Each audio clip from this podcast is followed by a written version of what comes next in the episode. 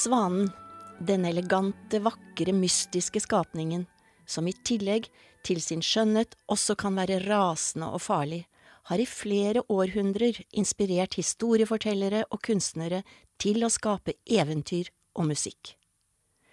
Hjertelig velkommen til introduksjon om balletten Svanesjøen. Jeg heter Lene Skalleberg og var tidligere danser og svane i Nasjonalballetten. Nå er jeg i formidlingsavdelingen.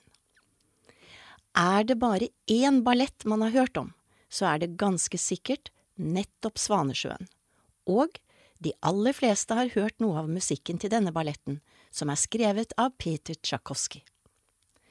Hans musikk er elsket og beundret for sitt tydelige, fortellende og russiske preg, og har vært med på at Svanesjøen har blitt balletten alle store ballettkompanier rundt i verden har i sitt repertoar. Den Norske Opera med Operaballetten viste Pas de Trois allerede i første sesong i 1959, og oppførte annen akt i 1963. Hele balletten kom på scenen i 1967. Siden har Svanesjøen blitt vist av vårt nasjonale ballettkompani med jevne mellomrom.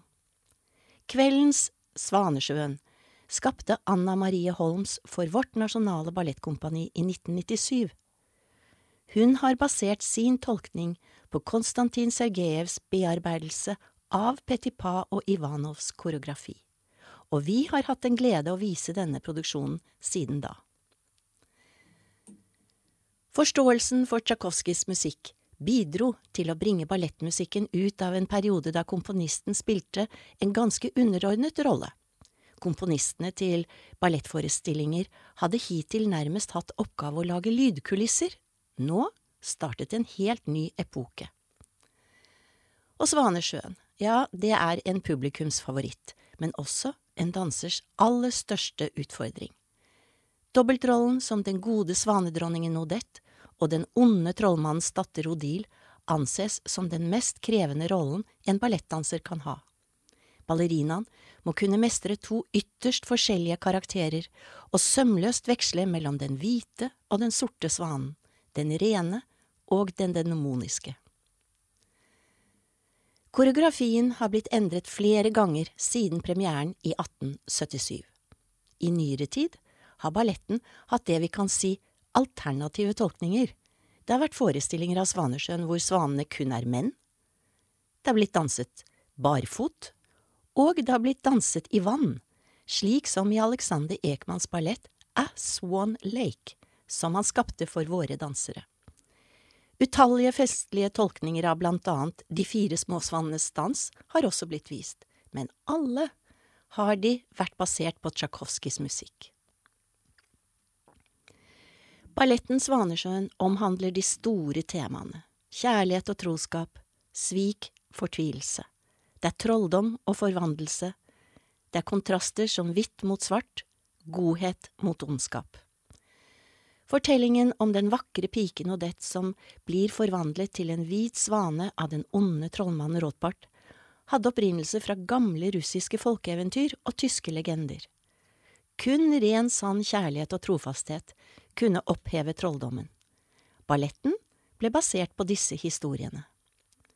Det er uklart hvem som kan ha hatt det originale opphavet for librettoen til balletten Svanesjøen, men man ser det som sannsynlig at dette var direktøren for den keiserlige balletten ved Bolsjoj i Moskva, Russland, Vladimir Petrovitsj Begitsjev, og Vasilij Geister, førstedanser, samme sted. Ideen til å lage ballett av eventyret kom allerede i 1875. Direktør Begitsjev inviterte Peter Tsjajkovskij som komponist, og Tsjajkovskij, han hadde allerede fattet interesse for eventyret om Svanen og Trollmannen, og hadde komponert et lite verk i 1871 for sine familiemedlemmer. Han hadde også på sin side hatt en sterk interesse av livshistorien til kong Ludvig 2. av Bayern, som hadde hatt et heller dramatisk, tragisk liv, og som i noen sammenhenger ble kalt Svanekongen, nettopp for sin fascinasjon av svaner.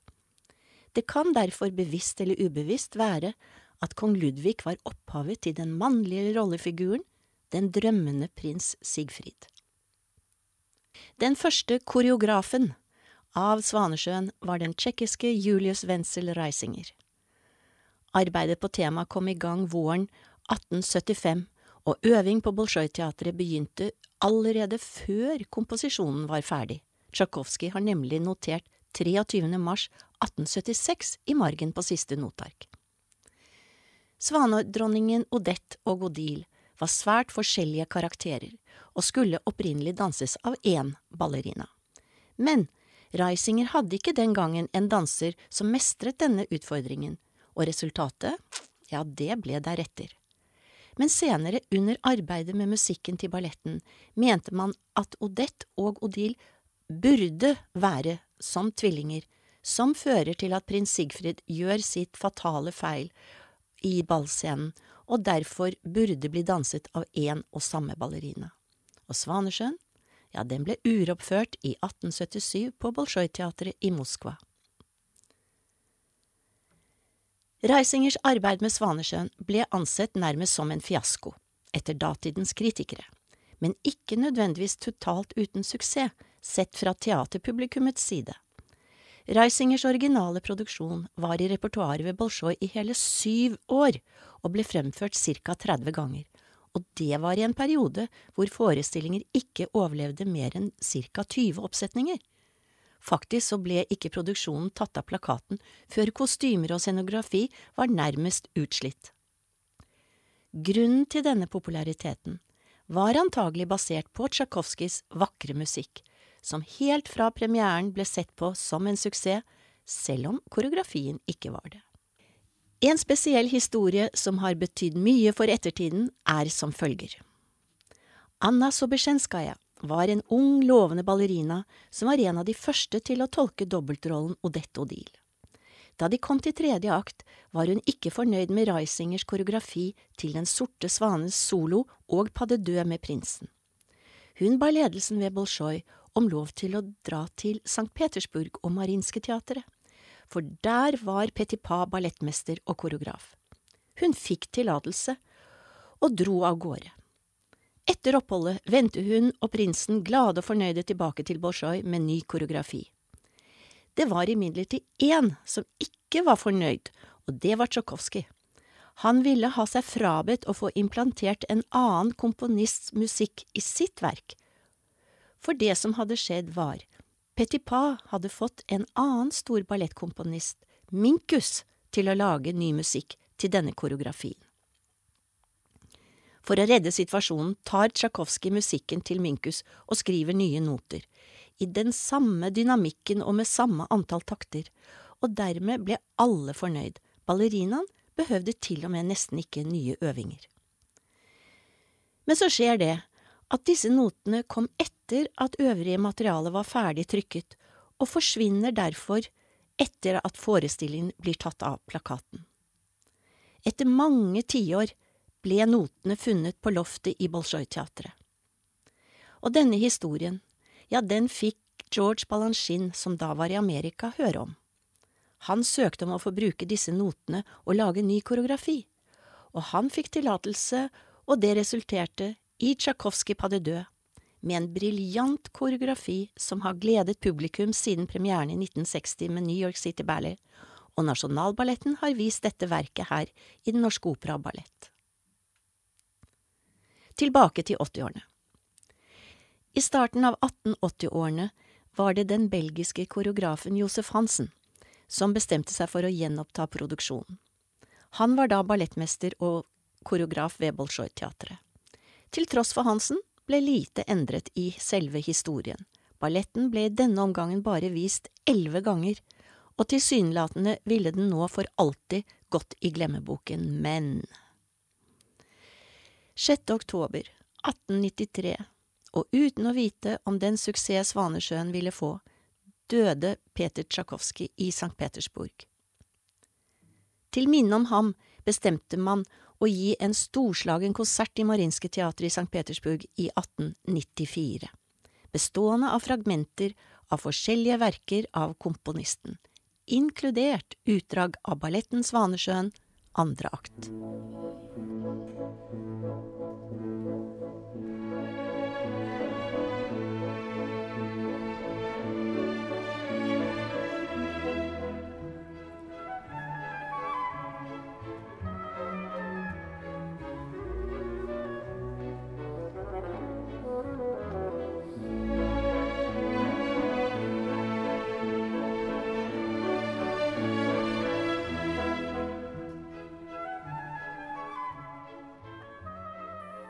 Sjefskoreografen ved Marinske teatret i St. Petersburg, Marius Petipa, ønsket imidlertid ikke å forplikte seg til å iscenesette utdrag fra en tidligere fiasko, og koreografien av andre akt ble derfor betrodd hans assistent Lev Ivanov. Ivanov klarte å håndtere den oppgaven han hadde blitt tildelt, på en særdeles vellykket måte. Ivanov ga ballettens handling et enda mer romantisk preg, og i tillegg så bestemte koreografen seg for et revolusjonerende skritt for den tiden. Han fjernet de kunstige vingene fra svanens kostymer og ga bevegelsene til armene i likhet med vingene på svanen. Lev Ivanovs arbeidet gjorde et sterkt inntrykk på Marius Petipa, som nå foreslo å sette sammen en fullstendig ny versjon av balletten. For den nye utgaven av Svanesjøen ble det bestemt å omarbeide librettoen. Det ble også gjort en del musikalske endringer av sjefsdirigenten for Marinske teatret, Ricardo Drigo. Petipa, han skapte første og tredje akt, og Ivanov de hvite aktene, andre og fjerde. Og nå ble musikk fra første akten brukt til tredje akts sorte solo og Sorte svanes padde død med prinsen. 15. januar 1895 ved Marinske teatret i St. Petersburg var det premiere på den nye utgaven av balletten Svanesjøen, og denne gangen ble det en triumferende suksess, og det er denne versjonen som koreografer baserer forestillingene på i dag. Å være med i balletten Svanesjøen er ikke bare en utfordring for svanedronningen, men også for alle medvirkende i forestillingen. Det er mye koreografi, flere kostymeskift og ikke minst skifte av stemninger på scenen i de forskjellige scenebildene og i de forskjellige rollene. Etter første akt med glede og festlig dans, til neste bilde med skogsmystikk, så til den store ballscenen med sin prakt og dens dramatikk, og så tilbake til skogen. Det er en krevende utfordring. Og det å stå på siden av scenen i starten av skogsscenen, før alle svanene skal gjøre sin entré, er nesten magisk. Scenen er mørk, det er måne, og månestrålene skinner gjennom tretoppene. Nattåken ligger over innsjøen, og musikken, ja, den er utrolig vakker. Så står man der, da, som svane, retter på kostymet, strekker litt på bena, glatter på fjærene og der høres musikken rett før entreen, man teller seks, syv, åtte, og der er man i eventyret.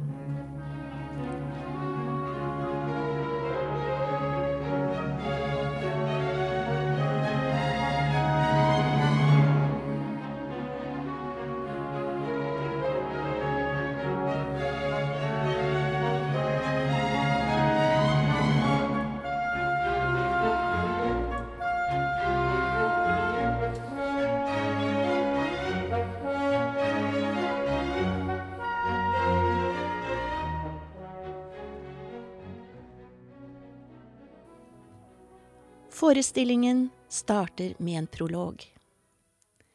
En ung pike er alene i skogen og plukker blomster. I denne skogen holder den onde Rothbart til sammen med sin datter Odile. Han følger med på hva Odette gjør. Rothbart bruker sine trolldomsevner, innhyller henne i sin kappe og forvandler henne til en hvit svane. Utenfor slottet senere på ettermiddagen er det fest. Den unge prins Sigfrid feirer sin 21-årsdag med venner og folk fra landsbyen. Wolfgang, prinsens mangeårige lærer og den muntre hoffnarren, er også med i festlighetene. Dronningen kommer til stedet med sitt følge, og er ikke særlig fornøyd med festlighetene som foregår rundt henne, og minner Sigfrid på at det å bli 21 år er en viktig hendelse. Videre sier hun at han neste kveld må finne en brud på det store ballet som blir arrangert til hans ære. Før hun forlater festen, gir hun ham en bue i fødselsdagsgave. Prins Vigfrid blir melankolsk og tynget av tanken på å ta en avgjørelse han slett ikke er forberedt på. Sitt tungsinn til tross deltar Sigfrid i en rekke folkedanser med landsbyfolket. I skumringen så ser han en flokk svaner fly over den mørke himmelen. I håp om å glemme den store avgjørelsen han skal ta, tar han opp buen og drar på jakt. Neste scene er ved innsjøen samme kveld. Trollmannen Rothbart smyger seg gjennom tykk tåke som skjuler en mystisk innsjø. Prins Sigfrid har lett etter de ville svanene og har endt opp ved bredden av den samme mystiske innsjøen. Og da Sigfrid dukker opp, gjemmer Rothbart seg. Det høres rasling i skogen, og Sigfrid hever buen, men senker den igjen da han ser en vakker kvinne dukke opp, og som ser ut til å være delvis svane. Hennes hode er kronet med hvite fjær, og hun skjelver som en skremt fugl da hun forklarer at hun er Odette, svanedronningen. Sigfrid blir som hypnotisert av Odettes skjønnhet og sårbarhet, og han forsikrer henne om at han kun har gode hensikter. Odette forteller ham hvordan Rothbart forvandlet henne og vennene hennes til svaner, og at de bare får tilbake sin menneskelige form om natten. Sigfrid får høre at trolldommen bare kan brytes ved at en ung mann forelsker seg i henne og lover henne evig og trofast kjærlighet. Sigfrid er overveldet av følelser og lover sin evige kjærlighet og trofasthet til henne. Men da det igjen lysner mot dag, dukker Rothbart opp igjen og forvandler Odette og de andre pikene om til svaner. På hjemveien er Sigfrid besatt av tanken på å befri Odette fra forbannelsen. Han vet ikke at Rothbart har overhørt hele hans samtale med Odette. Sigfrids fødselsdagsball begynner, og seks unge prinsesser blir introdusert for prinsen, og gjester fra andre land fremfører danser til ære for ham. Prinsen er besatt av Odette og avviser alle brudekandidatene. Og plutselig så varsler en trompetfanfare om to uventede gjester. Det er Rothbart forkledd i kappe og hans datter Odile, som med farens evner har fått utseendet til Odette. Odile flørter uhemmet med Sigfrid, og han tror det er Odette som har kledd seg ut og velger henne til sin brud. Dronningen aksepterer sønnens valg med en gang, men Rothbart forlanger at Sigfrid høylytt erklærer sin kjærlighet til Odile. Idet han gjør det, vet han ikke at han bryter sitt løfte til Odette. Skuespillet er over, Rothbart viser hvem han er, og vet at Odette og vennene hennes for alltid vil tilhøre ham. Han peker triumferende på den ekte Odette som viser seg en kort stund i bakgrunnen, og Sigfrid skjønner hvilke konsekvenser hans avgjørelse har fått, og fortvilet styrter han til innsjøen for å finne Odette. Knust av Sigfrids tilsynelatende forræderi vender Odette tilbake til innsjøen og forteller de andre svanene om hva som har skjedd, og at alt håp om frihet fra Rothbards trolldom er ute. Sigfrid kommer og forklarer henne fortvilet hvordan han også ble lurt av den onde Rothbard, og de finner igjen sammen i kjærlighet. Det skal sies at slutten av Svanesjøen kan være forskjellig ut ifra tolkningen til den ansvarlige koreografen. I noen forestillinger ender det med at Sigfrid bryter forbannelsen, og det blir prinsesse igjen, og de lever lykkelige i alle sine dager, som en lykkelig slutt på eventyret. Det er også sluttscener hvor trollmannen Rothbart dreper Sigfrid, og Odette forblir svane for alltid. Andre har den originale, tragiske slutten, hvor Sigfrid følger sin kjære Odette i døden ved at de kaster seg i innsjøen. Ved at solen står opp bak Rothbart på slutten av denne forestillingen, har Anna Marie Holms ønsket å gi oss forbindelse til våre norske folkeeventyr, hvor ondskap og trolldom taper i soloppgangen og det gode seirer. Trollet sprekker, blir til stein ved morgengryet. Så selv om de to unge elskende ikke ser annet utvei enn å kaste seg sammen utfor klippen, så ser vi at Rothbart løper triumferende til toppen av klippen, men bak ham går solen opp. Vårt strålende orkester er under ledelse av Andrea Quinn, og jeg ønsker dere en fin opplevelse med balletten Svanesjøen. Takk for meg.